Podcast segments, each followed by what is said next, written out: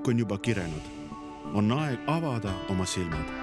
kell on kaheksa null null ja teid ootavad hommikuloomad.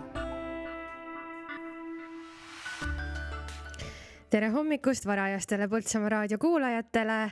oleme alustanud järjekorras eelviimase hommikuloomade saatega, sest et homsega on meie programmis lõpp vähemalt mingiks ajaks.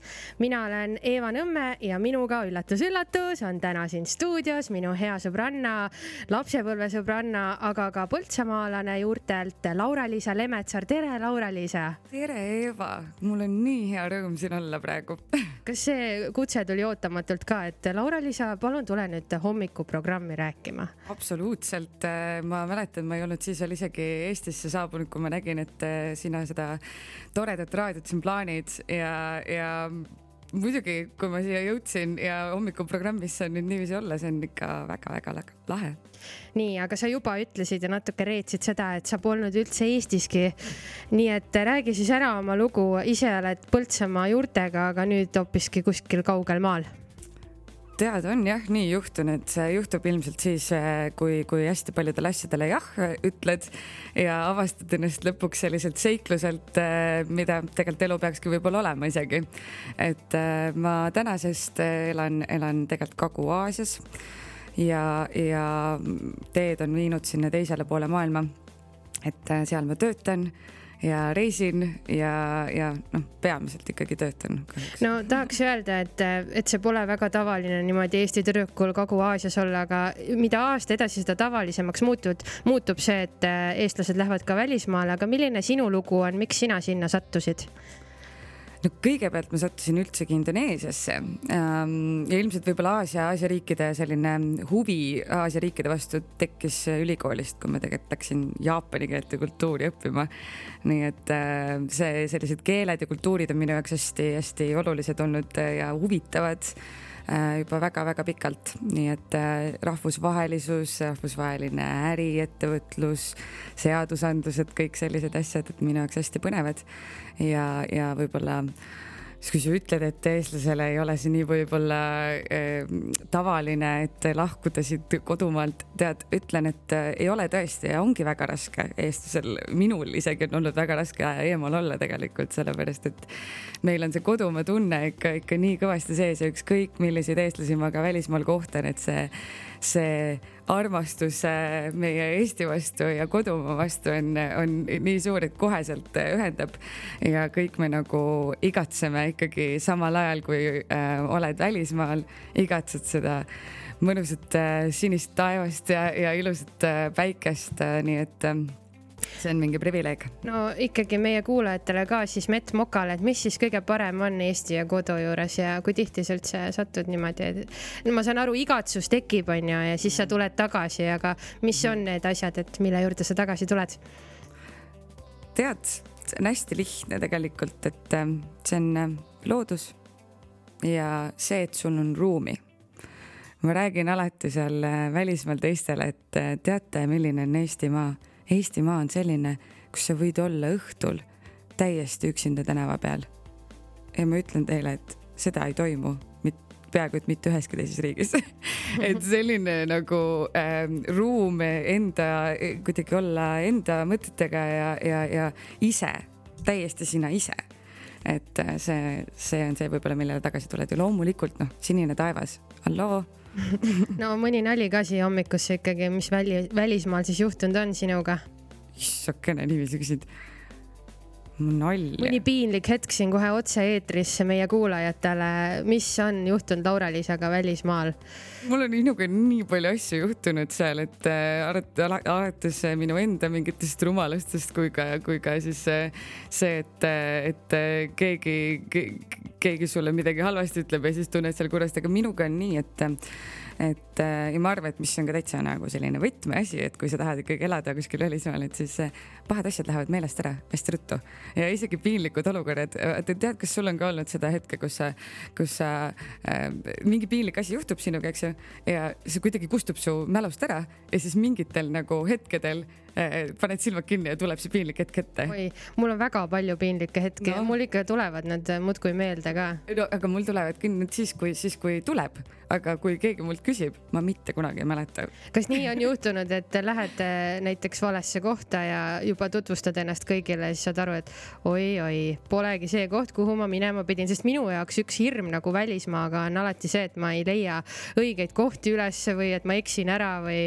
absoluutselt muidugi, kui sa niiviisi ütled, see on täitsa tavaline, et see, kuna, kuna mu töö äh, oli seal, ma räägin Indoneesiast nüüd onju, kuna mu töö seal oli väga palju inimestega suhtlemine ja üritustel käimine, siis ma ikka koperdasin erinevatesse, kui sul on suured sellised äh, kolmekümne korruselised hotellid ja, ja igasuguses, äh, igas banketiruumis mingi üritus toimub kogu aeg ja vaata, mõnikord läheb meelest ära, et millisele üritusele siis sina ennast kirja panid.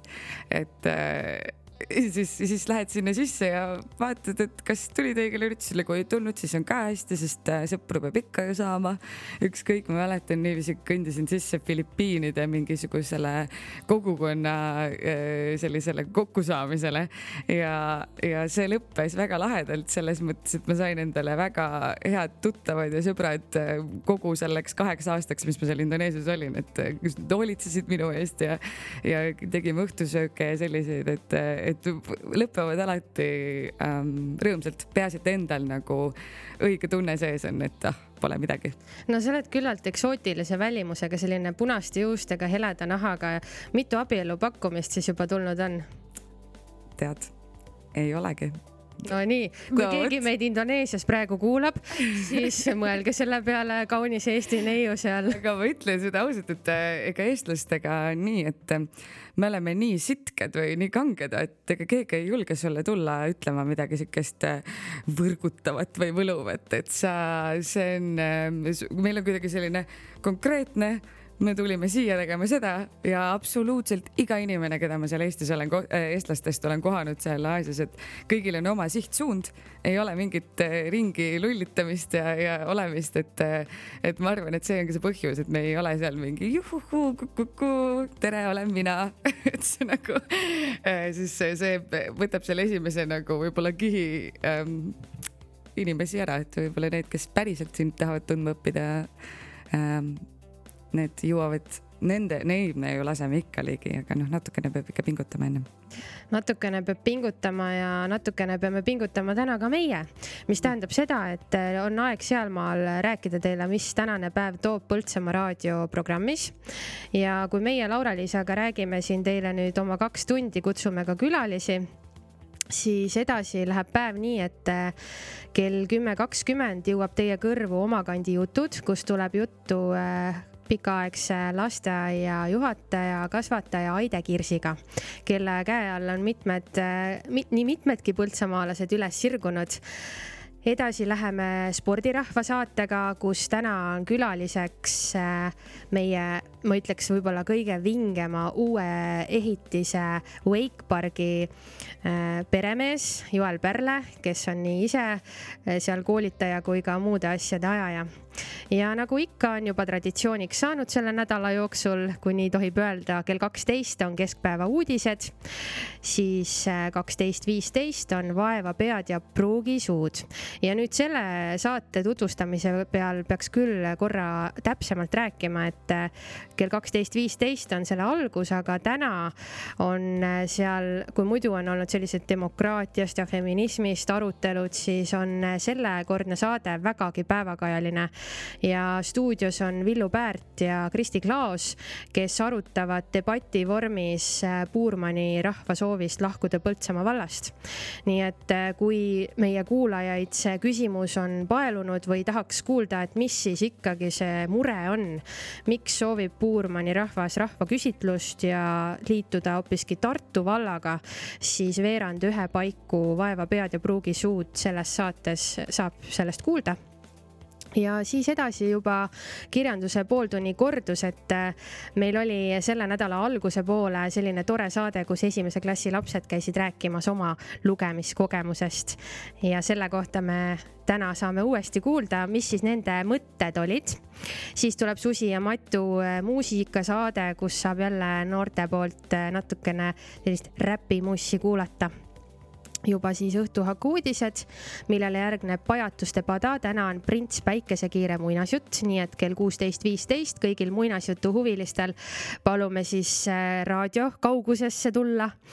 kell kuusteist kolmkümmend loosikas, nii et kõrvad kikki, mis me täna siin räägime ja selle kohta ilmselt tuleb ka küsimus meie sotsiaalmeediakanalitesse. kui vastate, osaletegi teie ka auhinna saamises ja täna tähtsa pidupäeva puhul, kuna meil on ikkagi lossipäevad täna siin Põltsamaal toimumas, tulemas, siis on meil ka lisakingitus ehk siis kui muidu on meil olnud igapäevaselt Felixi tooted e, e-piimatooted, siis täna on jällegi ka pitsakioski kinkekaardid.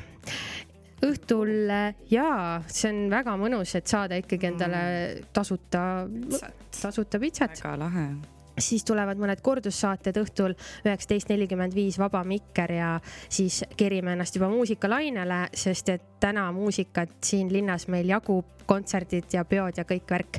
aga kuulame vahepeal muusikat ka ja esimeseks palaks on valinud Laura-Liisa. räägi natukene, mis laulu sa valisid ja miks? valisin sellepärast, et kõik need äh, sõnad seal äh, on väga hea tähendusega, nii et ma sobin, et kuulake, kuulake, kuulake hoolega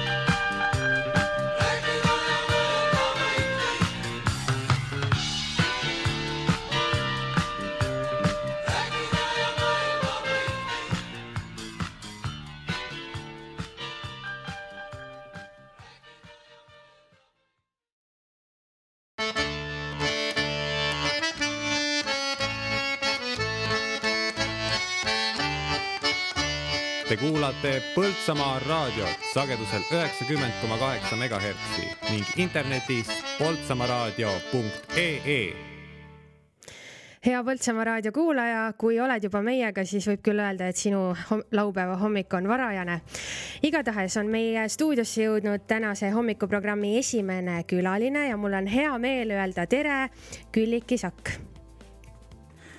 tere hommikust, Põltsamaa rahvas no selle hääle järgi vist eh, terasem kuulaja tundis juba ära, et seda häält on olnud kuulda Põltsamaa lillepoes nii et me olemegi kutsunud Külliki siia täna rääkima natukene lillepoest, sest et äh, ütleks nii, et äh, selle pidu äh, mis on olnud sellel nädalal eetris, on ju sobilik rääkida ka lilledest, kaunistamisest, sellisest uhke tunde loomisest. Ja kui meil sai siin uuendatud linna süda, siis üks osa linna südamest on ju ka meie teada-tuntud Roosas majas asuv lillepood, aga nüüd, kui mõelda, siis mulle tundub küll, et see lillepood on seal olnud igavesest ajast igavesti, aga nii see ju ei ole.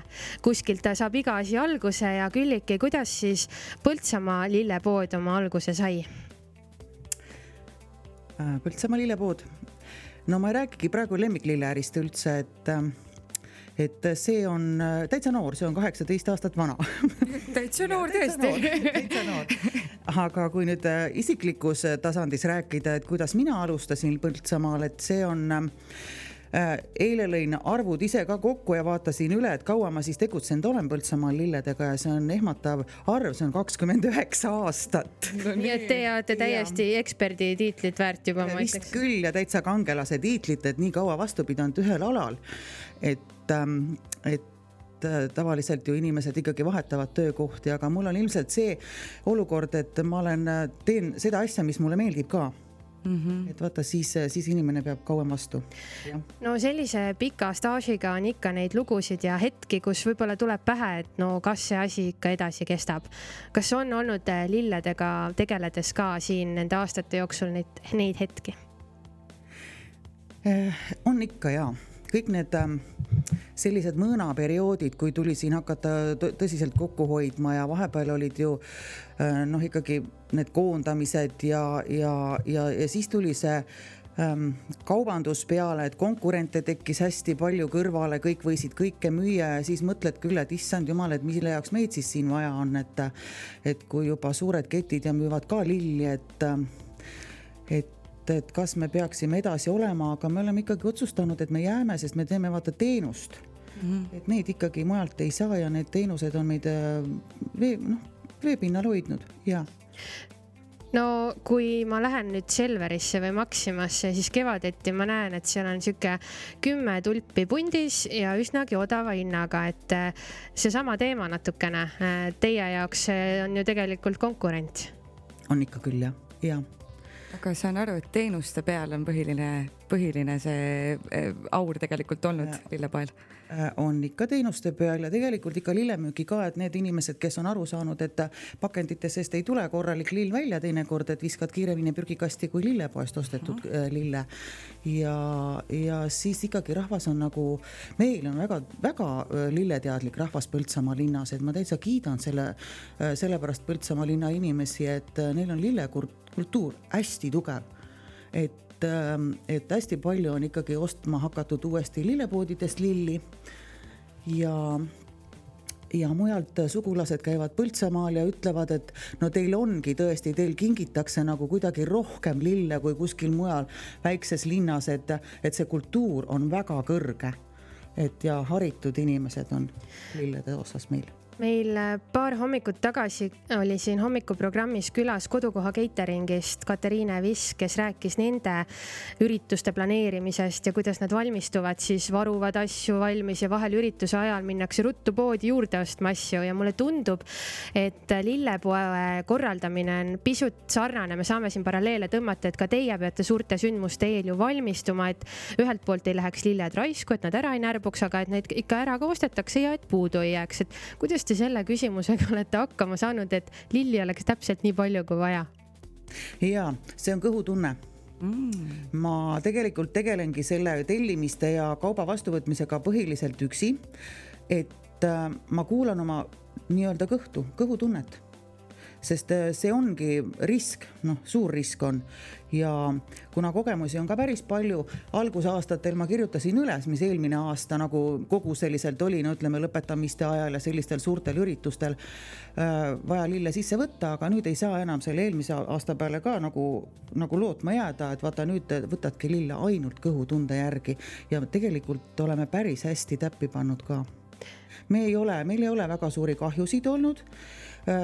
Ja puudu ei ole ka tulnud ja kui tulebki, siis on õnneks on praegu neid varustajaid nii palju, et kuskilt ikkagi midagi juurde leiab, sest ma olen ju lillepood lõppude lõpuks, et ma pean kuskilt omale mingit lille sisse leidma, kui auk sisse tekib, et, et noh, mis sa müüd muidu ju mm. -hmm.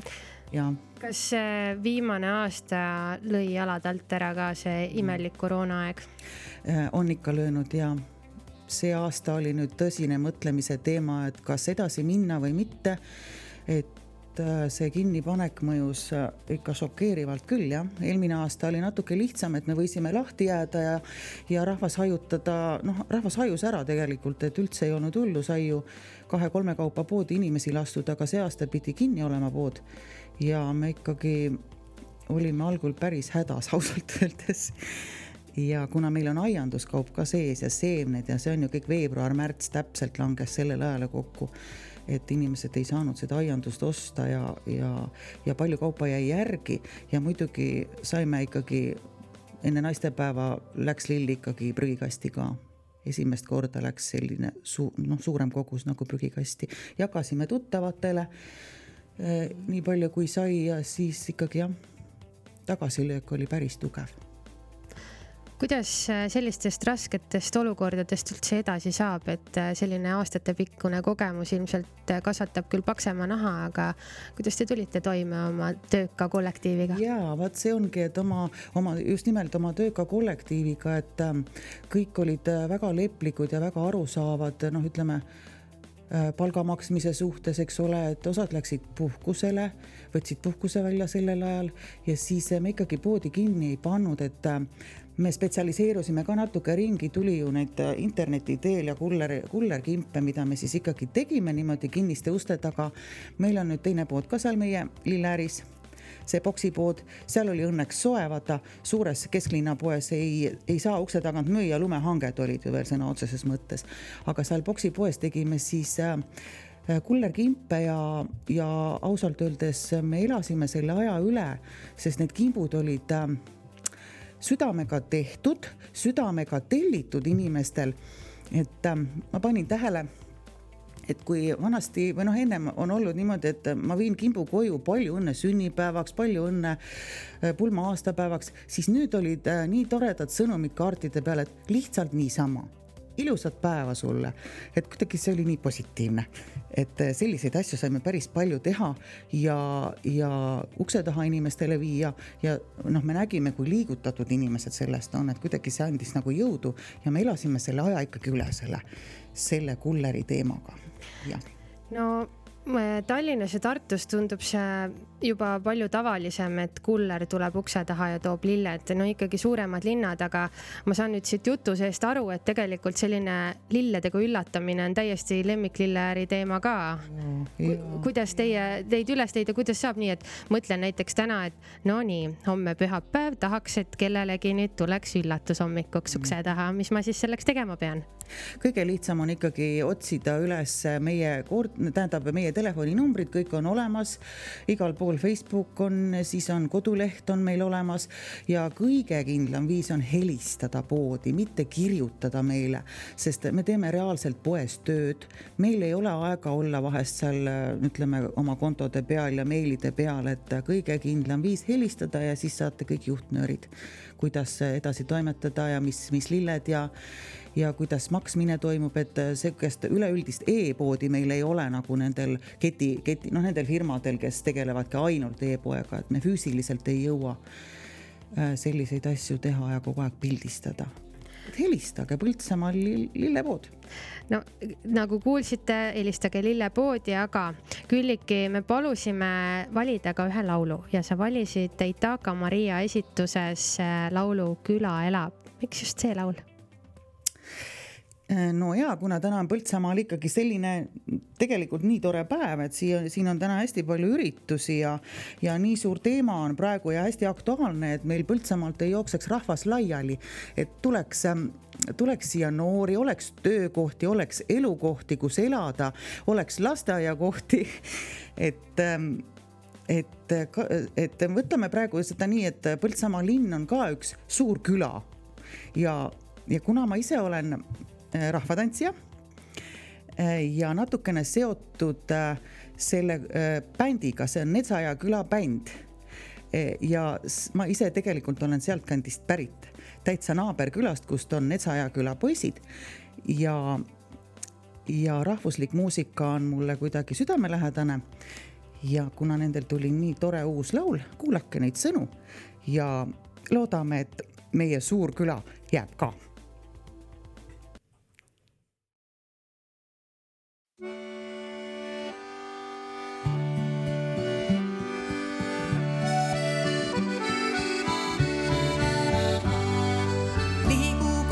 suunal jalg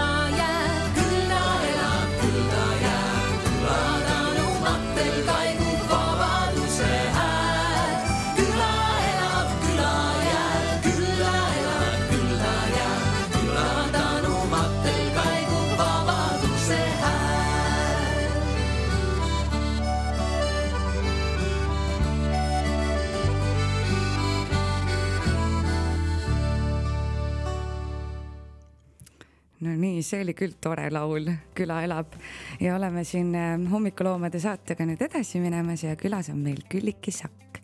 Ähm, eelmises, eelmine kord natuke enne, enne laulu rääkisime ähm, rõõmust, lillede rõõmust ja, ja, ja kuidas üldse lillepoed, pood toimib. nüüd tahaks äh, natukene pärida professionaali käest äh, lilletarkusi ka, et kust on saanud see lilletarkuste seeme sul alguse, Külliki? Äh, no ja tegelikult on mul aianduslik haridus, küll Räpina aianduskooli olen lõpetanud, aga kakskümmend üheksa aastat tagasi, kui mind tööle kutsuti, äh, see võib olla päris põnev teema praegu kuulata mõnele, et minu äh, tööandjateks on perekond Sõnajalad et tulin Põltsamaale, ma ei ole kohalik tegelikult, ma olen siia sisse tulnud. Ähm, ja, ja kasvatasin paar aastat Põltsamaal lapsi, noh väikseid ja siis otsiti äh, vastavatavasse uude uhkesse poodi Postimajja äh, lillemüüjat no kuna minu abikaasa töötas aiandis siin Lillevere aiandis ja siis jõudiski info nagu temani, et, et kas sa ei tahaks proovida.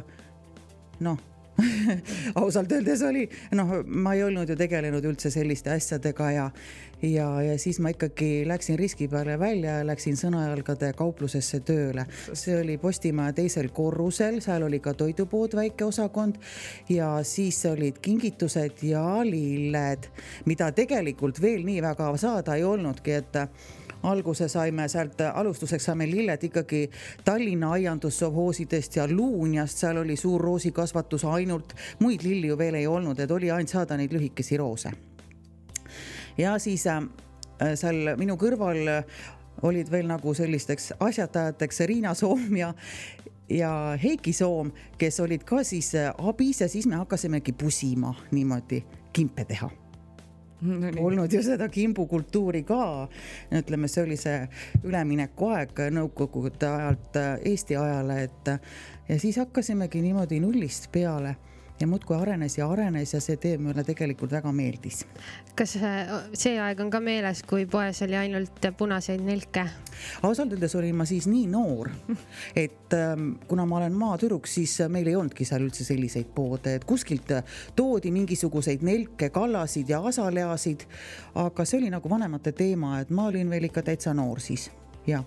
see oli küll nõukaajal niimoodi aga siin sa rääkisid nii hästi sellest, et äh, kuidas kohalikult äh, selliselt ümbruskonnalt said äh, seda lille, lille endale sisse tuua, et kas on ka selliseid, et, et siit Põltsamaa linnast või, või veel lähemalt võivad inimesed sulle tuua lillepoodi mingeid oma lilli? Ähm, mingisuguseid lilli me oleme siiski võtnud tõesti, mida näiteks Hollandist ei kannata tuua, ütleme varakevadel kohalikku nartsissi ja no ütleme piibelehekimpe ja ja võib-olla suvel veel mõnda sihukest ähm, tugevamat lille, aga, aga rohkem kasvatajaid nagu ei olegi ausalt öeldes. noh, ta peab olema ikkagi selline vastupidav lill ka, mis säilib natukene poes, et noh, ma toon näite, et poenge me ei saa inimestelt vastu võtta, sest see lill ei seisa nii väga Äh, kaua, et ähm, oleme küll võtnud era, erainimeste käest.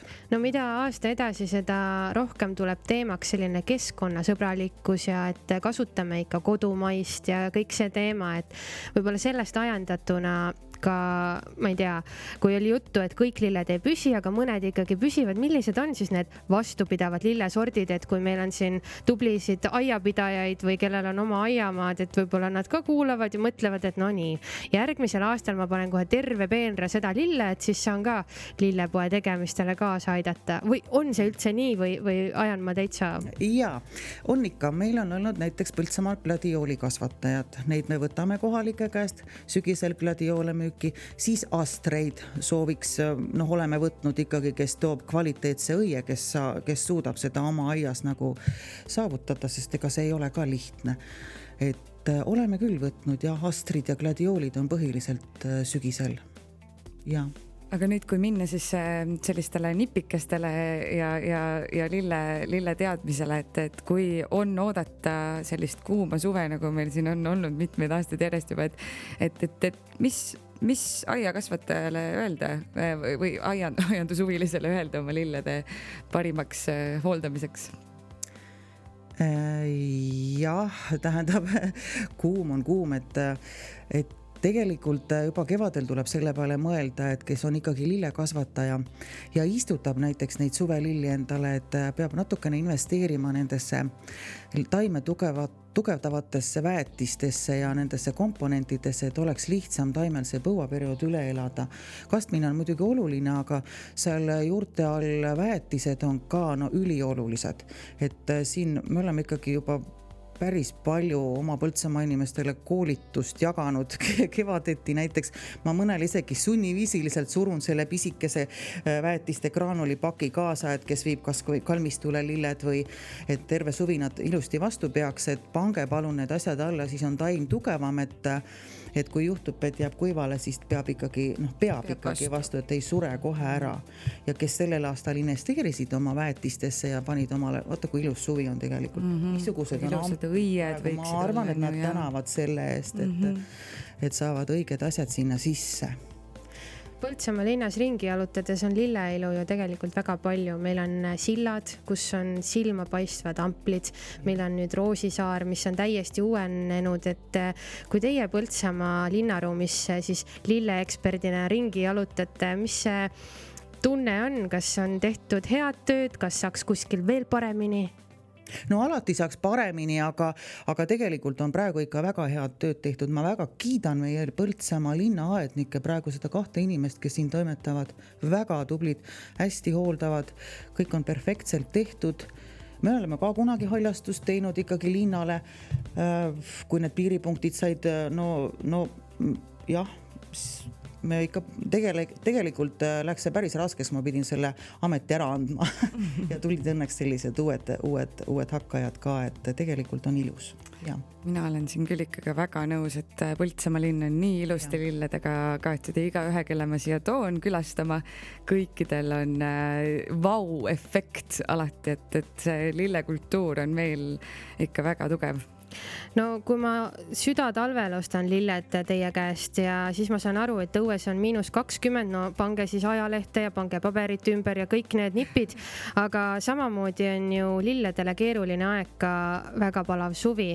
et äh, kui ma nüüd lähen kuskile pulma või sünnipäevale või mis iganes üritus mind ees on ootamas sellise palava ilmaga, siis mis ma sellisel juhul peaks arvestama?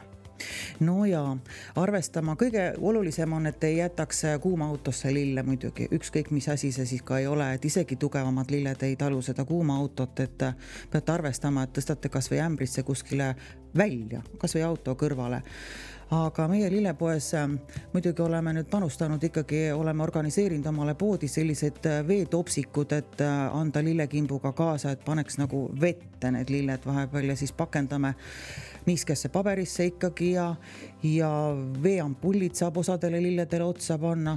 aga samas on ju noh, ikkagi on tugevamaid lilli ka, et kui nüüd äh, valida, et teil ei ole oluline, et see peab just roos olema, tegelikult on muid lilli juba nii palju juurde tulnud, mis ongi lausa sooja ilma lilled.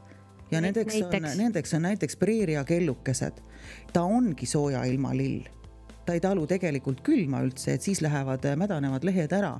talvine periood talle isegi mitte ei sobi, soe tuba sobib aga suvelill on ta väga hea, et siin lõpetamiste ajal on näha ka, et kui näiteks koju tulevad mõned siuksed äh, noh, preeriakillukesega kimbud või lilled, et need on kõige kauem, nad seisavad roosidest kauem.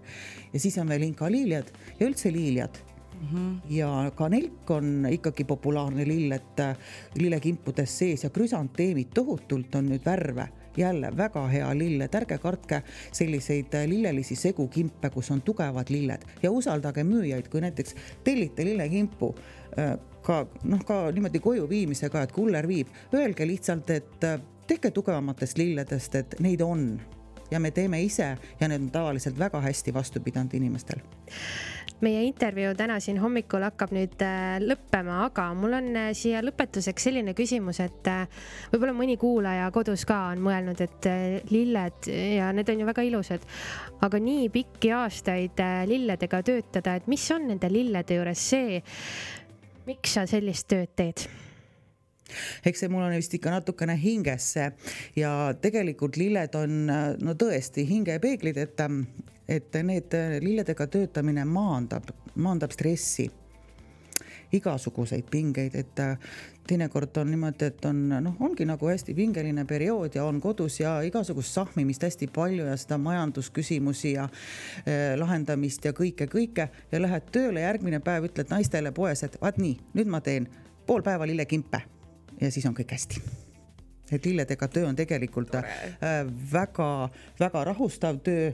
me oleme vastu pidanud tänu sellele nii pikalt kõik siin teised samamoodi, et äh, noh, mitte ainult mina, mul on teised ka ikkagi väga staažikad töötajad, et me tegeleme lilledega, et äh, kes tahab sihukest ilusat ja midagi hingele, siis võite lillepoodi minna tööle küll või siis vähemalt õppima ja proovida seal töötada, kes tööd ei karda.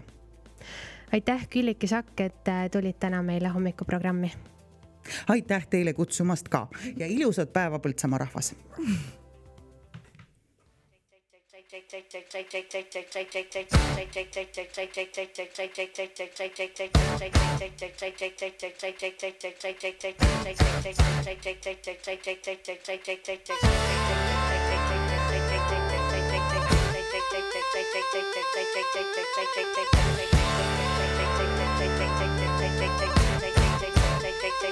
kõditasid naba, sina oled mängust vaba. hiired kõditasid naba,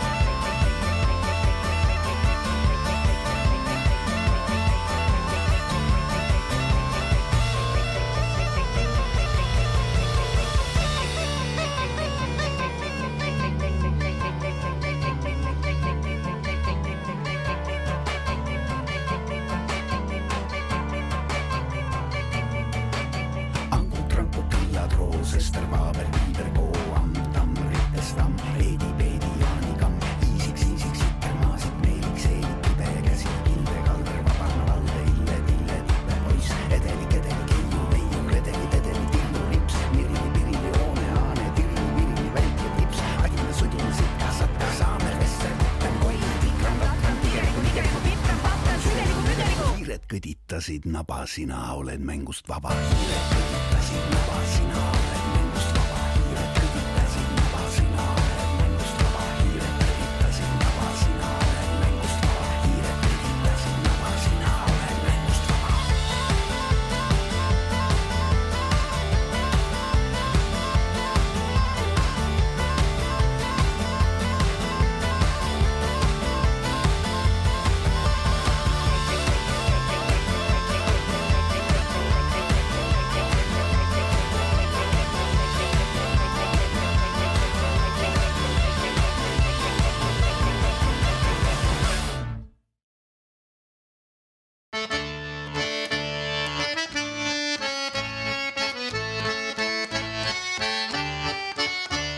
kuulate Põltsamaa raadiot sagedusel üheksakümmend koma kaheksa megahertsi ning internetis poltsamaaraadio.ee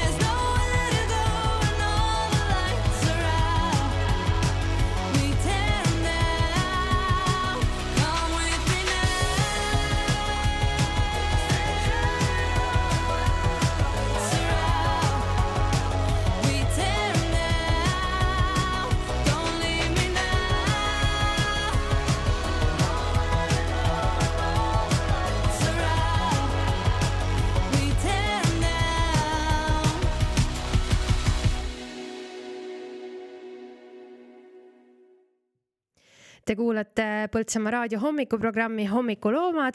mina olen Eeva Nõmme, minuga täna kaassaatejuht Laura-Liisa Lemetsar ja me oleme saanud oma stuudiosse järjekorras teise külalise. meiega siin on äh, täna Kultuurikeskuse juhataja Janne Karu. tere, Janne tere! juhuu! no meie siin kuulasime head muusikat ja siis mõtlesime, et huvitav, huvitav, kus see Janne nüüd toimetab, sest et täna on ju nii suur äh, pidupäev Põltsamaal, lossipäevad mida sinu jaoks selline suur sündmuse korraldamine tähendab, mis kell sa täna ärkasid? no täna hommikul ma ärkasin kell kuus, aga mõningad meie tiimiliikmed on kindlasti liikvel juba kella viiest. miks nii vara, mis te siis teete? no alustame me ju tänast päeva ikkagi käsitöölaadaga ja kui laada inimesed peavad valmis olema paigas kell üheksa, siis see tähendab seda, et umbes kuues poole seitsmest hakkab nende paika paigutamine siis lossihoovis no sellised suured äh, pidustused suviti on üsnagi selline traditsiooniline, aga kui traditsioonides nüüd tahapoole piiluda, siis kus üldse selline lossipäevade üritus alguse on saanud? no kui me ajalukku äh, süüvime, siis võib öelda seda, et äh, kõigepealt said nad alguse ikkagi veinipäevade nime all, et äh, alustas seda siis e-, endine siis Põltsamaa Felix, kes ju teeb meil, toodab meil väga häid Põltsamaa veine ja siis nemad lõid siis sellise sündmuse nagu Põltsamaa veinipäev, siis äh, kaasati ka Põltsamaa kultuurikeskust, vahepeal sai sellest ka Põltsamaa linnapäev, sellepärast et äh, kuna see sündmus oli selline juuni lõpp, juuli algus alati olnud, et siis kolmkümmend juuni on Põltsamaa linna sünnipäev ja siis sai ikkagi lõpuks äh, suure koosolekute ja nõupidamiste tulemusena, et ta jääks Põltsamaa lossipäevaks ja lossipäevaks sellepärast, et ikkagi promoda meie ilusat äh, lossihoovi mis tegelikult ju tänaseks on väga suure muutuse teinud ja, ja iga päevaga läheb aina ilusamaks no jutus sa juba mainisid, et oli veinipäev ja Põltsamaal on head veinid, aga Põltsamaal on ju palju väga head veel ja seda kõike saab tänane külastaja ka ise kogeda. aga mis siis täpsemalt ees ootab, et sa ilmselt oskad seda saladuste loori natuke meile kergitada, et kui ma astun nüüd lossi väravatest sisse, siis mis, mis kell ja mis mulle vastu vaatab?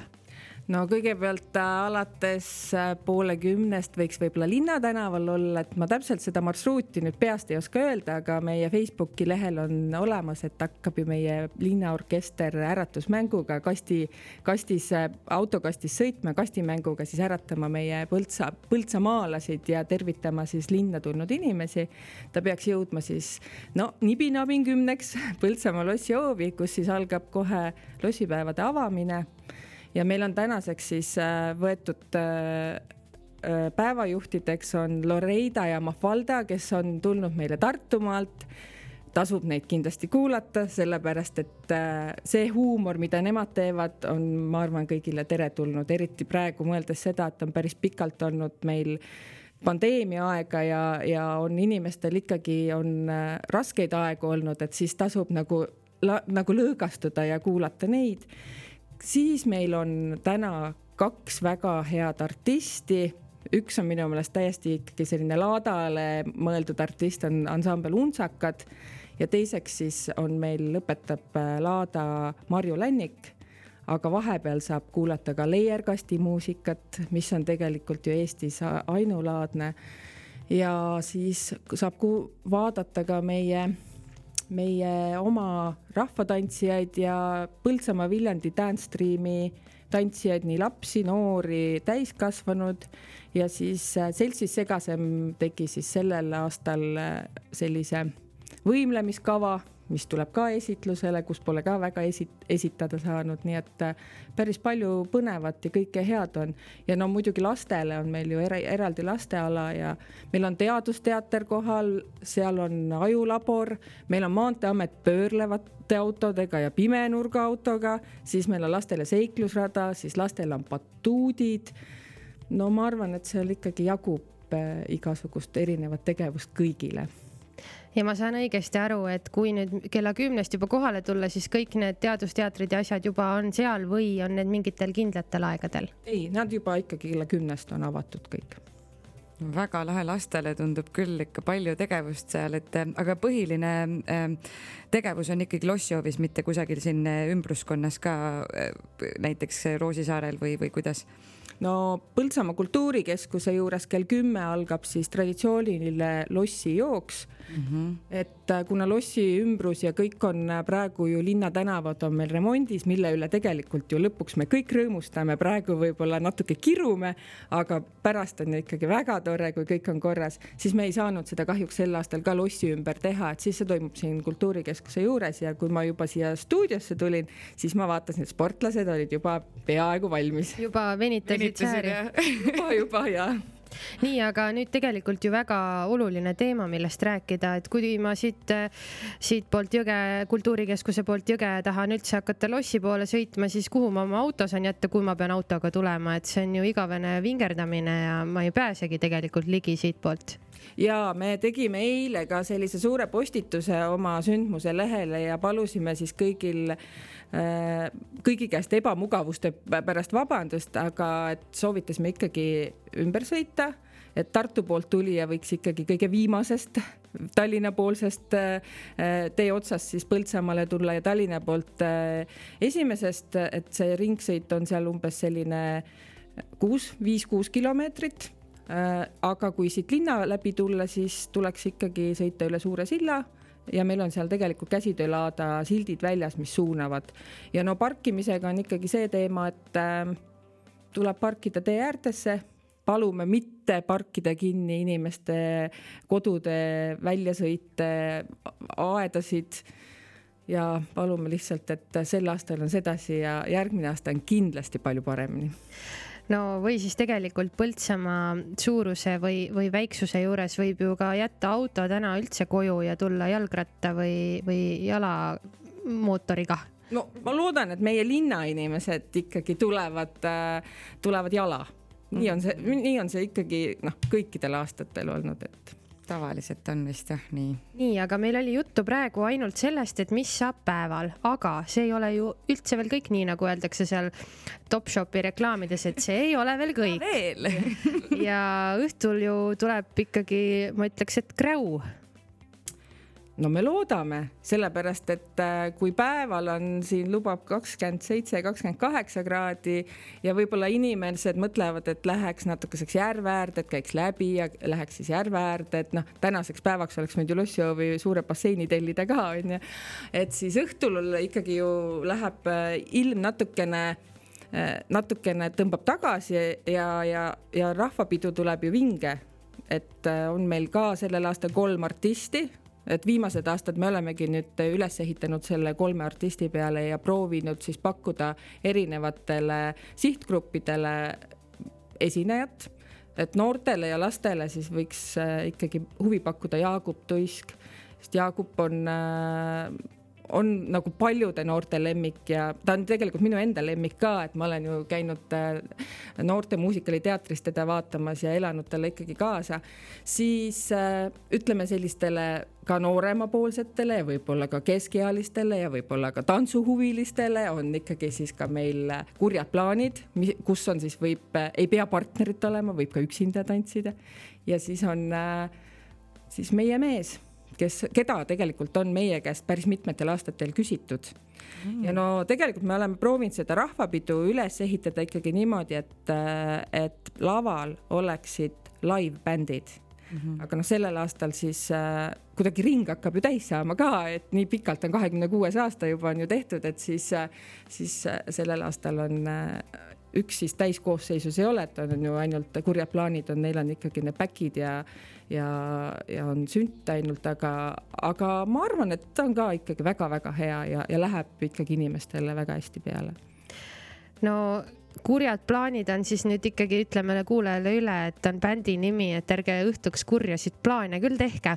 aga kõigepealt, enne kui õhtu kätte jõuab, tuleb teha plaane hommikuks ja nii nagu meie intervjuu alguses kõlas, siis umbes poole kümne paiku soovitame teil kõigil äh, minna korraks piiluda oma akendest välja, sellepärast et alustab marsruuti siis orkestriga liikuv äh, selline kastiauto, te saate kõik lehvitada, tervitada ja kindlasti pillimeestel on hea meel, kui nad teie rõõmsaid nägusid näevad. ja nagu Janne siin just mainis, siis õhtuses programmis on meil esinemas ka Jaagup Tuisk ja järgmisena me kuulemegi ühte pala tema loomingust, Jaagup Tuisk Teemantidest linn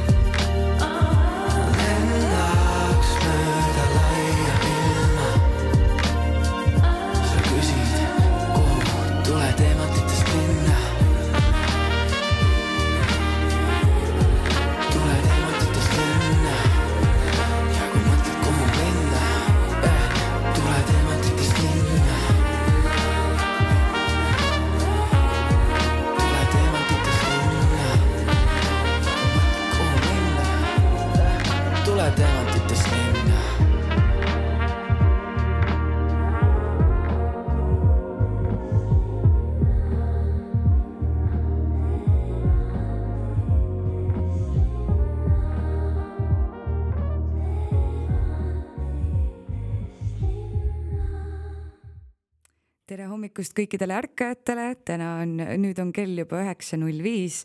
oleme siin hommikuloomade saates Eva Nõmmega ja meil on külas Janne Karu, kes räägib meile täna sellisest suurest äh, sündmusest, mis meil siin Põltsamaal toimub. Ja äh, eelmine, eelmises plokis siin rääkisime natukene, kes sul seal äh, kõik müüjad on ja, ja, ja mis toimub lossihoovis üldiselt lastele on palju atraktsioone, aga käsitöölaad kui selline, et kas meil on ka mõni kohalik müüja ehk seal Põltsamaalt pärit, et kelle, kelle poole võiks oma, oma sammud seada?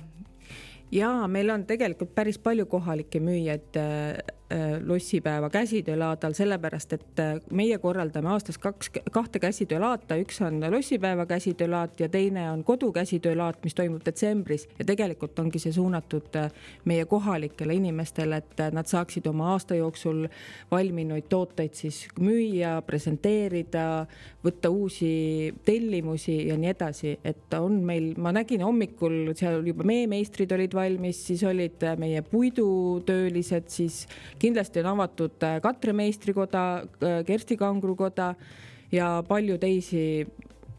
no ikka ma arvan, et suurem rõhk on ikkagi meie omadel inimestel seda on nii tore kuulda. aga ma tahan öelda veel seda, et enne, eelmises plokis ma unustasin öelda, et tegelikult on meil ju sellel aastal on kuulutatud ka meeste käsitöö aastaks ja meil on täna siis äh, Urmas Kuusik oma käsitöökojaga väljas nii-öelda, kus tegelikult saavad ju kõik minna kätt proovima ja me kohe ju varsti tegelikult avame siin Kultuurikeskuses ka meeste käsitöö näituse, mis, mida ma ka kindlasti tasub tulla vaatama, sellepärast et nii palju huvitavaid asju on meile juba toodud ja mõned tulevad siis pildimaterjalina, suuremad ehitised näiteks. vot kui äge no laat ju oma olemuselt on alati selline kauplemispaik ja nüüd, kui mõelda sellistele üritustele, siis sageli on teemaks, et võtke ikka kaasa sularaha, et saaks paremini tasuda nende toodete eest, et kas, kas ka täna tuleks see välja hõigata, et kui oled sammud seadmas äh, lossihoovi poole, siis tasumine sularahas või saab ka kaardiga?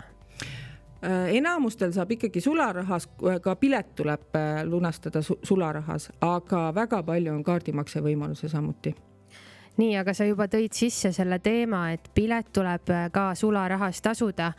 mis see siis nüüd tähendab, et äh, ma mõtlen, et läheks nüüd jalutaks ka perega läbi, uuriks, vaataks, mis laadal müüakse, aga nüüd selle jaoks, et ma lähen sinna uudistama, tuleb mul välja käia siis viis eurot. viis eurot on päevapilet, äh, sellega te saate siis käepaela. kui te tahate vahepeal minna käia jõe ääres või, või Roosisaarel jalutamas või üldsegi Kamaris ujumas käia ja pärast jälle tagasi tulla, siis on alati see võimalik kõik seepärast, et liikumine on täiesti vaba. aga viis eurot on siis sellepärast, et kuna laval on kaks artisti ikkagi täiskasvanutele ja lastele on siis lossihoovi sisesed tegevused kõik tasuta, batuudid, äh, autod, käsitöötuba, teadusteater, aju, ajulabor, äh, seiklusrada et kui me lõpuks äh, oma meeskonnaga istusime, arutasime pileti hinde, et kas jätta traditsiooniliselt ikkagi üks või kaks eurot puhtalt statistika pärast, et vaadata, kui palju inimesi käib ja vaatasime siis seda eelarvet, äh, mis meid vastu vaatas ja mõeldes, mida pakuvad kõik need äh, tegijad, kes tulevad, kes tahaks täpselt samuti oma, kui ta tuleb välja, ta ju ei tule niisama, et siis me pika-pika kaalutluse peale saime aru, et olla ikkagi peresõbralikum on mõttekas osta või teha muud või teha siis see piletihinnaks viis eurot ja pakkuda lastele sisemisi tegevusi tasuta.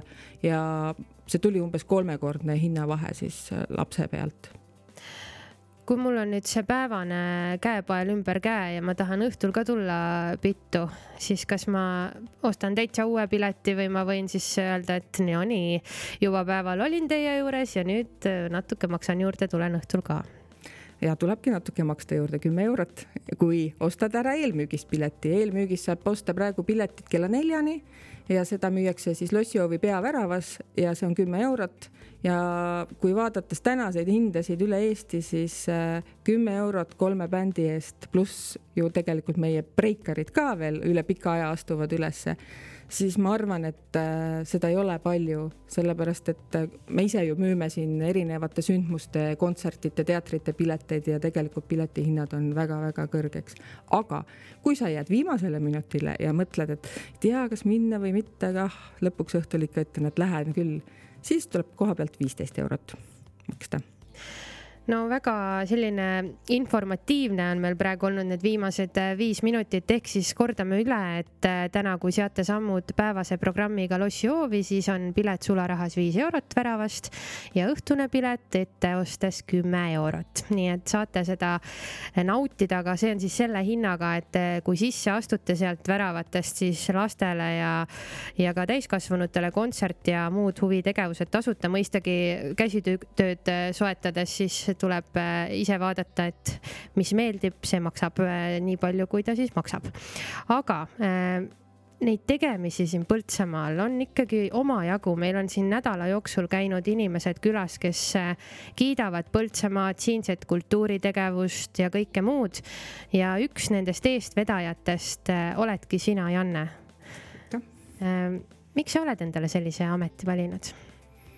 Mm, no vot, see on selline huvitav küsimus, et äh, ega mu esimene eriala või amet, mida ma õppisin, on tegelikult raamatupidamine, et mul on raamatupidamise haridus ka olemas. ja siis ma ei ole mitte ühtegi päeva ametlikult raamatupidajana töötanud, seepärast ma sain aru, et äh, need teadmised on väga vajalikud, aga minu hing ei ole sellega rahul ja minu iseloom on selline rohkem selline särt, särtsu tahaks rohkem ja siis, äh, kuna minu mentorid on äh, olnud äh, väga pikalt üks hea perekond, kes mõlemad on olnud või on siiamaani kultuuritöötajad Jõgevamaal ja kuidagi me sattusime kokku ja ma hakkasin maitsma seda kultuuritööd juba tuhat üheksasaja üheksakümne üheksandast aastast vist. Ja mulle tundus, et see on ülilahe. Ja tegelikult üks aasta ma sain kokku oma äh, keskkooliaegse muusikaõpetajaga, siis tema ütles ka, et kuule, Janne, sa ikka läksid lahti, lahti juba üheteistkümnendast klassist.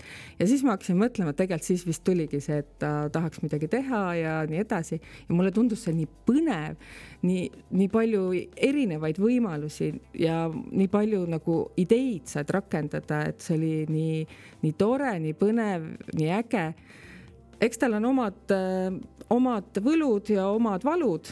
Et ega seda suursündmuse puhul seda närvipinget on ju ikka päris palju, et kõik laabuks. kõik ka rahaline pool on ju seal ikkagi selline, mis tekitab närvipinget, et inimestele rahulolu pakuks. aga ma võiks ikkagi öelda, et mul on vedanud, elu on mind kokku viinud selliste toredate ja tublide inimestega ja, ja ma töötan selliste inimestega, et ega üksinda sa ei tee siin mitte midagi ära, et äh, meil on ikkagi oma tiim, kes äh, väga palju kõiki asju koos teeme, mõtleme, arutame, äh, räägime, teostame, tellime, toodame ja nii edasi.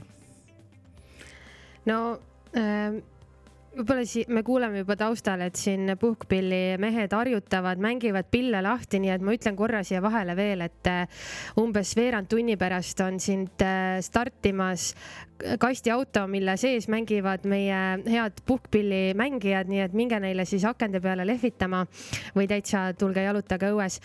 aga veel täiesti viimaseks küsimuseks siia intervjuu lõppu, et ega alati ei ole ju nii, nagu sa ise mainisid, et kultuuritööd korraldades on pingeid, kiireid momente ja kõike seda, et eh, mis on siis midagi, mida sa ikkagi oma töös tahad edasi anda või kanda eh, mis, mis ei lase sul seda keerulist tööd või ametit maha panna no neid mõtteid on nüüd, ma ei tea, ma arvan, et sellise viimase pooleteist aasta jooksul päris palju just sel, seoses selle pandeemiaga ja hästi kriitiliste olukordadega.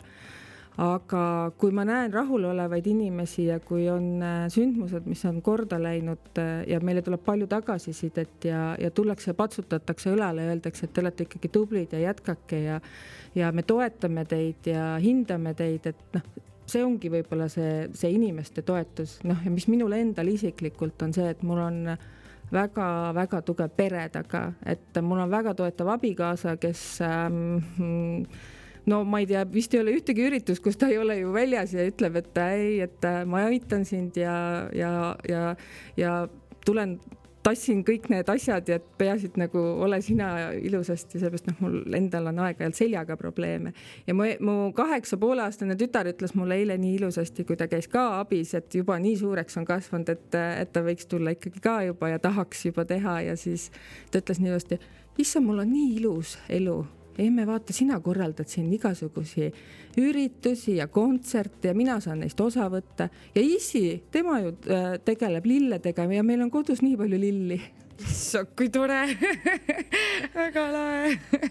Oh, seda kõike on hea kuulda ja meie oma raadiotoimetuse poolt soovime ka kultuurikeskuse kõigile inimestele ja ka sulle palju jaksu siis teha neid toredaid algatusi siin Põltsamaal ja aitäh, aga ma lõpetuseks tahaks öelda, et, äh, et tegelikult on meil väga palju selliseid koostööpartnereid, äh, kes äh, noh, alati ju tulevad, nad, nad alati ütlevad, et jaa, me teeme, tuleme, aitame.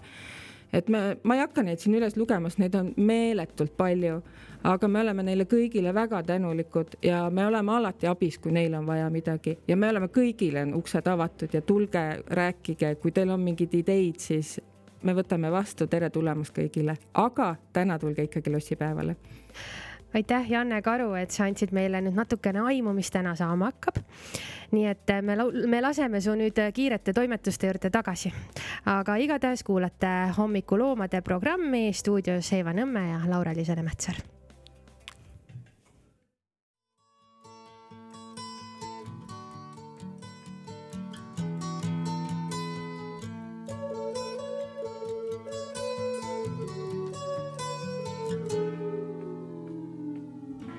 comes the sun. Here comes the sun.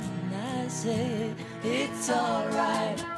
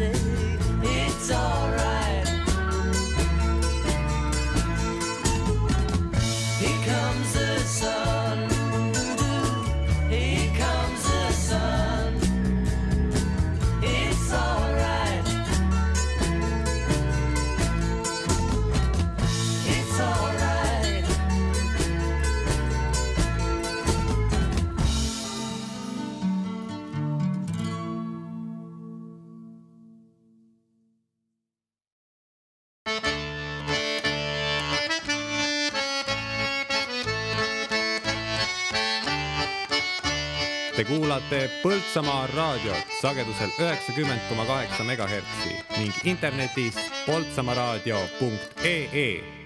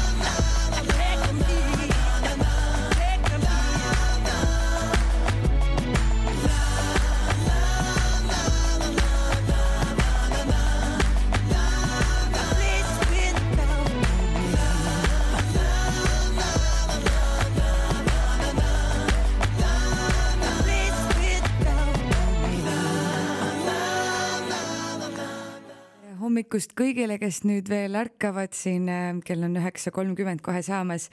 Ja siit kultuurimaja raadio, Põltsamaa raadio juurest on näha, et kohe algab üht suuremat sorti äratuskell meil Põltsamaa vahel sõitma, nii et kui siin oleme terve hommiku nüüd rääkinud toetustest ja, ja ütleme tänutundest ja, ja kuidas tagasiside on oluline igat, igatpidi nii lillepoe töötajatele kui ka tänaste lossipäevade korraldajatele, siis ma arvan, et kui on vähegi kohvitass juba käes ja, ja võiks aknast välja vaadata, siis eh, hõikame ikka kõikidele meie puhkpilliorkestri mängijatele, kes meid eh, hommikul tervitavad eh, sellise suure pidupäeva puhul, nagu on lossipäevad täna, mis algab siis kell kümme hommikul juba peale väga-väga toreda programmiga, millega me ka kindlasti pärast veel üle käime kiirelt. aga tegelikult on ju maailmas täna palju asju toimumas ja ma mõtlesingi, Eeva, et sul mõni uudis kah ehk rääkida on siia hommikusse? no uudiseid tuleb ju kogu aeg igasuguseid ja on need uudised, mis liig-, lii-, nagu on näha siis meie uudisteveergudel, aga on ka uudised, mis juhtuvad meie seas. ja ühe sellise ma olengi välja valinud, eile postitas siis Jaanus Karilaid eh, oma sotsiaalmeediakanalisse pildi. esimene süst supsti tehtud, sõber Alar Nääme oli turvamas, kuna mina, kuna minestamist polnud, siis ei pidanud ta muud peale pildi tegema. ja Jaanus Karilaid siin pildil täiesti palja kõhuga, ujumispüksid, kõik riided on peaaegu seljast ära võetud ja Henn Põlluaas selle peale siis kommenteerimas, et miks sa püksid sellepärast maha ajasid. Jaanus Karilaid vastab, et Henn Põlluaas, on sul ikka unistused? nii et selline kemplemine siis meie poliitikute poolt siin veergudel, aga jah, tõesti, ega teema ju iseenesest oluline, inimene käis vaktsineerimas, et võibki juhtuda, et lähed suvisel päeval pika pluusiga ja tuleb kõht paljaks võtta. Mis sa ikka siis teed? Ja, ja ma arvan, et see on üks selliseid äh, natukene leebemaid nalju, mis me siin üksteise kulul oleme suutnud viimastel kuudel teha, nii et, et äh, tore ikkagi, et käiakse vaktsineerimas. minu Äh, mina sattusin eile peale sellisele teadaandele pigem, Eeva, peaks ütlema, et äh, kõikidele, võib-olla, võib-olla me ei ole isegi selle peale mõelnud, et õhtu äri, Ärileht kirjutab, et Delfi Ärileht kirjutab, et vanemates kortermajades mis asuvad näiteks siis Lasnamäel ja Mustamäel, samuti ka siin Põltsamaal on meil neid paneelmaju, et ei kuulu rõdu korteri omandi hulka ja on kõigi, kõikide ühistu liikmete kaasomandis see tähendab, et seaduslikult on inimestel, kellel endal rõdu ei ole, õigus minna näiteks redeliga naabri rõdu, rõdule pesu kuivatama. Nonii. Nonii. Mitu korda ise oled käinud siis naabri rõdul redeliga?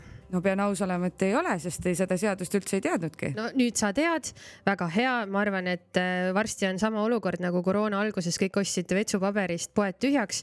nüüd võib juhtuda sama asi näiteks Lasnamäe, Mustamäe kandis näiteks redelitega. lihtsalt ei ole enam redeleid, sest kes siis eestlastest ei tahaks piiluda, mis toimub naabri rõdul no just ja veel, veel hea oleks, kui on noh, kõrvalrõdu onju, aga vaata nüüd, nüüd siin on niisugune küsimus, et, et kas, kas kas ainult siis on mul õigus minna, kui mul ei ole, kui mul endal rõdu ei ole või on ikkagi kõik kaasomandis no,? eriti mõnus oleks minu arust see no.. Äh, endal rõdu, naabril rõdu, lähen ronin redeliga naabri rõdule, panen oma pesu sinna kuivama ja enda rõdul samal ajal saan kutsuda külalised, äh, juua mõnusalt kohvi, natuke võib-olla isegi paar, ma ei tea, paremat asja sinna kõrvale. Ja ongi suurepärane, pesu kuivab seal, minul on kõik hästi. Ainuke asi nüüd ongi, et mida mõtleb naaber no just seda ma mõtlesingi, kus, kusjuures siit edasi arendades seda väga geniaalset ideed, kusjuures, et kui meie võiksime nüüd siis kolida näiteks äh, kõrvuti korteritesse olla naabrid, onju. mõtle, kui hea meil oleks, ühel rõdul on meil peo ja, ja, ja kohvitamise rõdu ja teisel rõdul kuivatame pesu. muidugi ma kujutan ette seda üllatust, et oled siis parasjagu hommikul näiteks seal äh, liigud oma korteris ringi, ei oska oodatagi, et naaber on tulnud redeliga sinu rõdule kohvitama. see on nagu seal Pauliga reklaamis, et, et ärkad selle peale üles, et naaber on äh, kohvitassi ja, ja Room ko, kohvitassiga su rõdule ja Room tuleb äh, ninna, ninn käratab ülesse.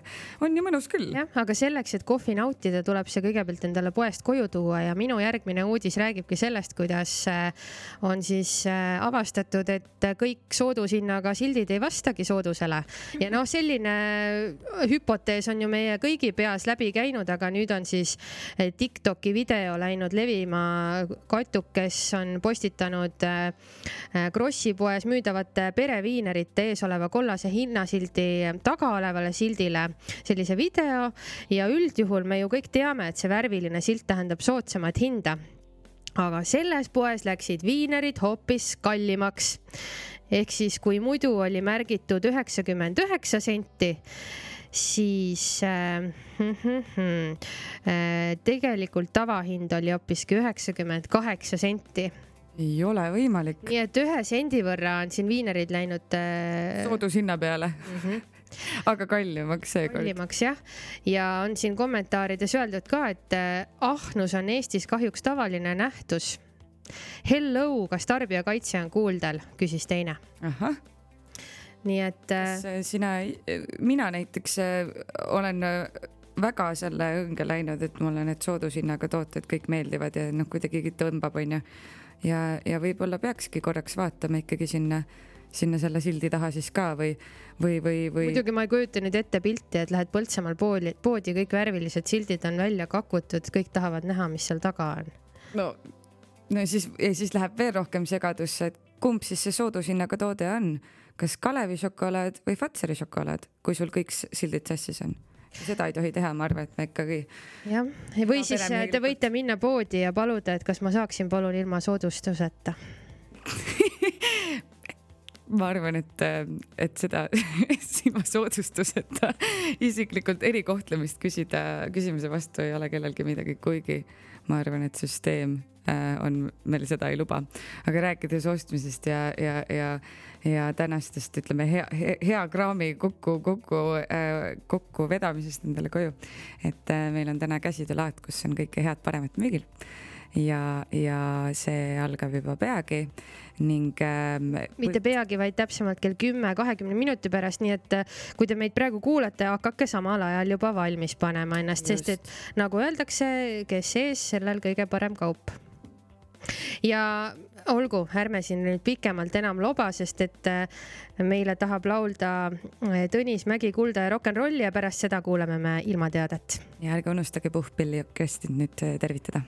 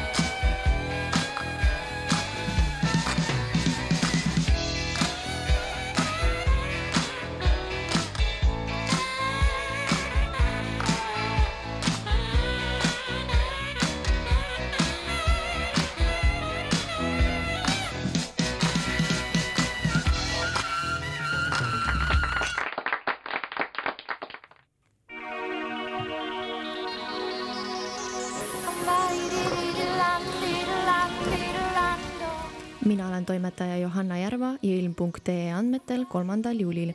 selge või vähese pilvisusega sajuta ilm, puhub valdavalt kirde ja idatuul kaks kuni kaheksa, rannikul puhanguti kolmteist meetrit sekundis. õhutemperatuur on kakskümmend neli kuni kakskümmend kaheksa, rannikul kohati kakskümmend üks kraadi. Tallinnas, Pärnus ja Saaremaal on hetkel kakskümmend üks kraadi, Jõhvis ja Narvas ja Viljandis kakskümmend kraadi, Põltsamaal üheksateist kraadi, Raplamaal kaheksateist kraadi ja Võrus seitseteist kraadi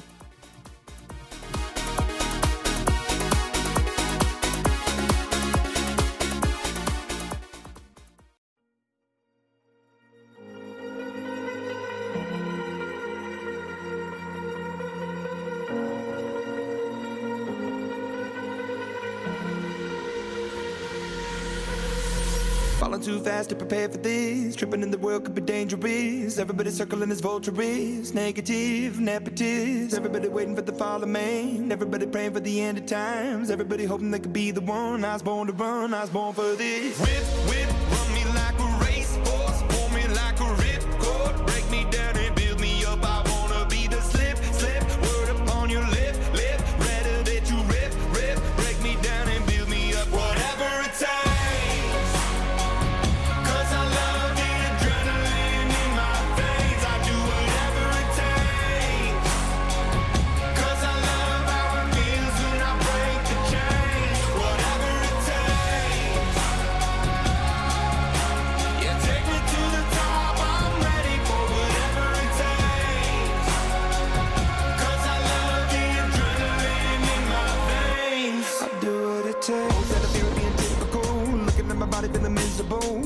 hanging on to the visual. I wanna be invisible. Looking at my years like I'm out of dumb. Everybody needs to be a part of them. Never be enough on the prodigal son. I was born to run, I was born for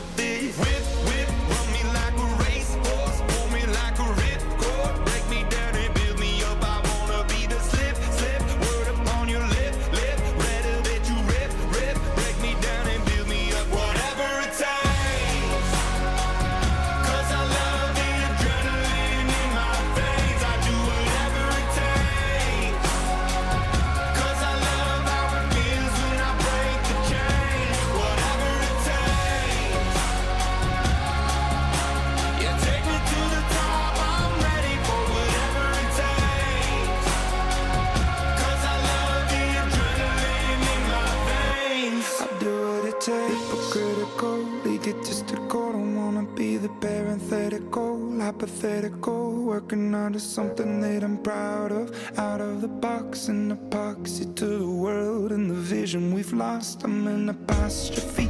I'm just a symbol to remind you that there's more to see. I'm just a product of the system of catastrophe, and yet a masterpiece. And yet I'm half diseased, and when I am deceased, at least I go down to the grave and die happily, and leave the body of my soul to be a part of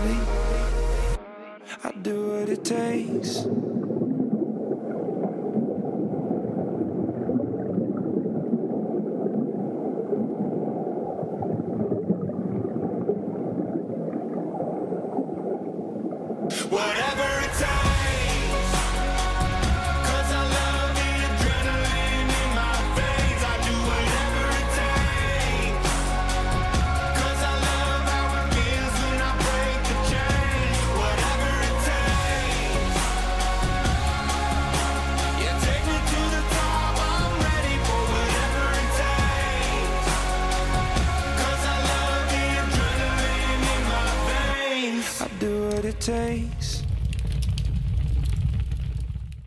Hommikust, tere hommikust, kuulad saadet Hommikuloomad, mina olen Eeva Nõmme ja ma kutsusin endale täna külla siia hommikuprogrammi Laura-Liisa, kes on minu hea sõbranna, välismaa kogemusega ekspert, aga muidu ka tore tüdruk, tere.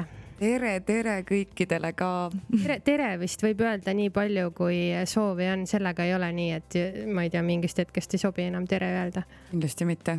et ikka, kui Põltsamaa peal ringi liigud, siis tere võiks olla selline igaühele. absoluutselt ja kõige parem on veel see, et sa saad tere vastu ka. üldse polegi probleemi ja naeratuse saab vastu, sellepärast siin mulle meeldibki.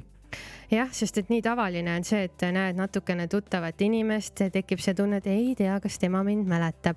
aga palju parem oleks siis ju minna tänaval vastu ja kohe selg sirgu öelda tere.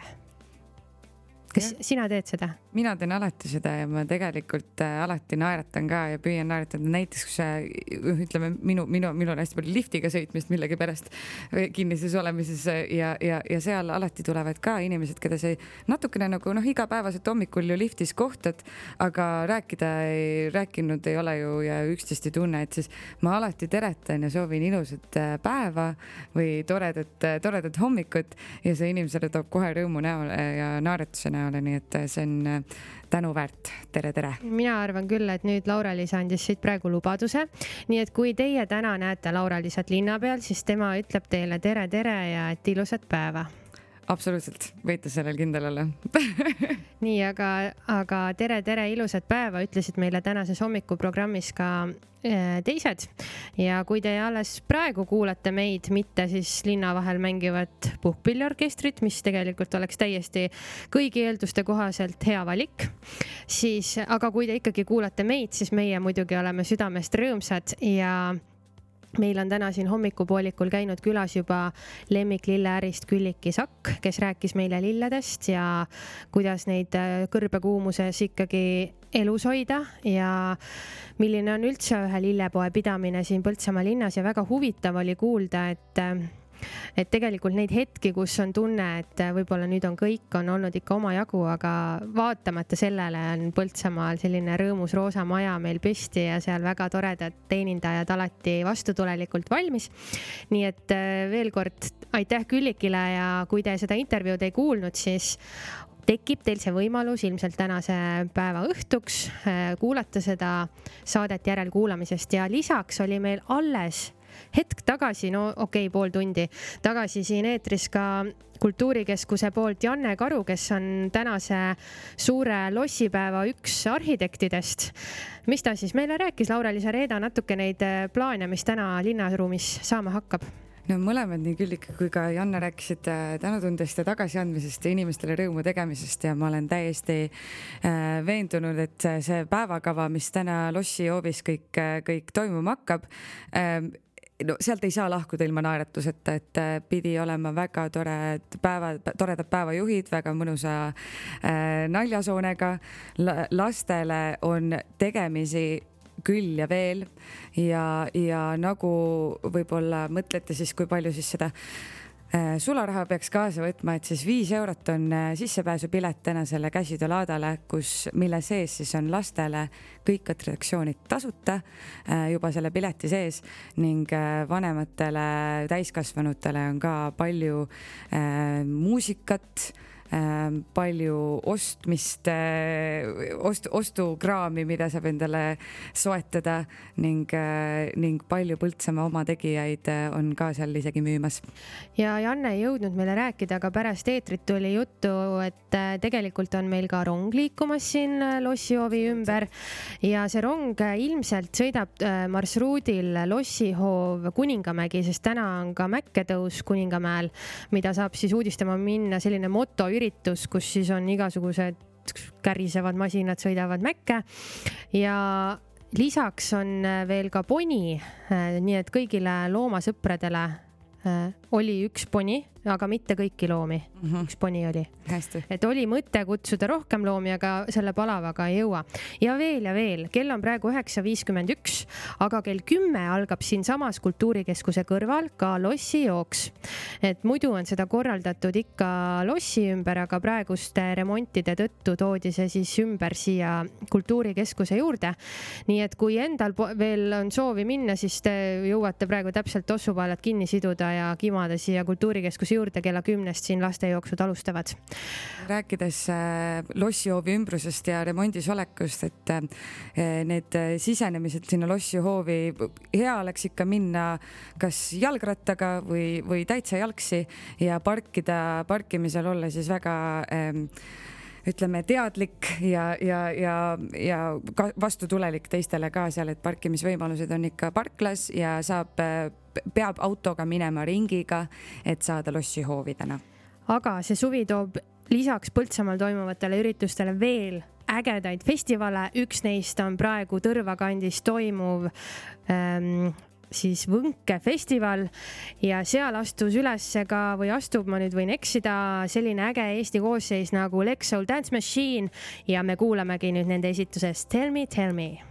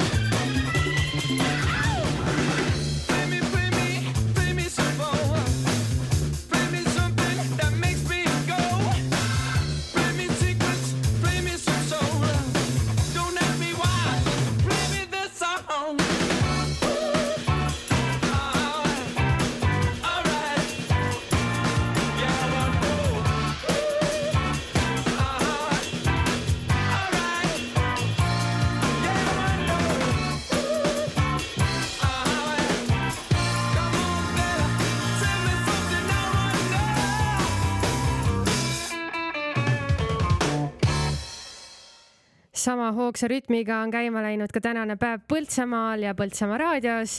meie hakkame juba peagi siit otsi kokku tõmbama, aga mul on suurepärane tunne selle üle, et ma täna sain siia eetrisse kutsuda rääkima ka oma hea sõbra Laura-Liisa. aitäh, et sa tulid. aga tänane päev, mis toob meile programmis Mm, see on nüüd küll niipidi, et kümme kakskümmend on meil eetris Omakandi jutud, kus tuleb juttu paljude põltsamaalaste kasvataja ja hea kunagise lasteaia direktori Aide Kirsiga. Seejärel juba spordirahvas ja räägime Joel Pärlega Wakepargist, siis keskpäeva uudised ja kaksteist viisteist Vaeva pead ja pruugi suud, väga tuline Puurmani valla või vabandust, Põltsamaa valla ja Puurmani suhte arutelu ehk siis Puurmanil soov astuda välja Põltsamaa vallast, kuidas see kõik on nii saanud, et me oleme sellisesse punkti jõudnud, siis sellest räägivad meile äh, inimesed ise, kes sellega kõige rohkem seotud on. nii et Villu Päärt ja Kristi Klaos sellel teemal diskuteerimas, äh, siis kirjanduse pooltund kordussaatena ja Susi ja Matu räpisaade õhtuhaku uudised ja kell kuusteist viisteist Pajatuste pada Prints Päikesekiir. siis ka loosikasaade, nii et me küsime midagi, mis siin hommikuprogrammis on juba kõlanud ja mõned kordussaated õhtu lõpuosas kell kaheksateist kakskümmend Vaeva pead ja pruugisuud kordus ja üheksateist nelikümmend viis vaba mikker, aga kui nüüd juhtub nii, et teie tahate täna hoopiski minna pidutsema näiteks lossipäevadele, mis oleks täiesti arusaadav ja ma ütleks isegi poolkohustuslik, siis te saate neid saateid kuulata ka korduses Põltsamaa raadio.ee on see koht, kus saab kordusest kuulata. just. ja mina ka omalt poolt äh, tahan öelda, et äh, siin Põltsamaa raadios on olnud ääretult tore ja, ja kultuurimaja ümbruses näha neid äh, ettevalmistusi lossipäevade jaoks ja, ja rääkida tegusate Eesti inimestega ja, ja Põltsamaa inimestega eriti, saan ma täiesti aru, miks äh, miks minul on nii suur side minu äh, sünnikohaga Põltsamaaga, et äh, isegi kaugel ära olles äh, teisel pool maailma Kagu-Aasias tulevad ikka meelde Põltsamaa suved ja lossipäevad, mis olid siis ennem veinipäevad, on minu üks vaieldamatult lemmiküritusi ilmselt Põltsamaal ka siin. Ja aitäh Põltsamaa raadiole, ma arvan, et see algatus on üks kõige ägedamaid äh, viimase kümnendiku jooksul, et, et äh, rääkida ära kõik tähtsad lood äh, sest iga, iga, iga inimene meil siin Põltsamaal loeb ja see kommuuni loomine on, on meie igaühe enda kätes. et kõikidele tere, naeratus, sest muud ei olegi ju elus tegelikult vaja kui tervitus. ja tänasel päeval, päeval ma tõesti panen kõigile armsatele inimestele südamele, et äh, tuleb vett juua vett juua ja nüüd ongi kell sealmaal, et aitäh teile, et te meid kuulasite, meil on jäänud täpselt üks hommikuprogramm, mis on homme Samueli, Marianne Nugise ja äh, Matja Saameri osalusel. nii et äh, jääge meiega veel selleks eetri ajaks, aga nüüd aitäh teile meie poolt, mina olen Eeva Nõmme, minuga siin stuudios Laura-Liisa Lemetsaar ja te kuulasite saadet Hommikuloomad. Juhhei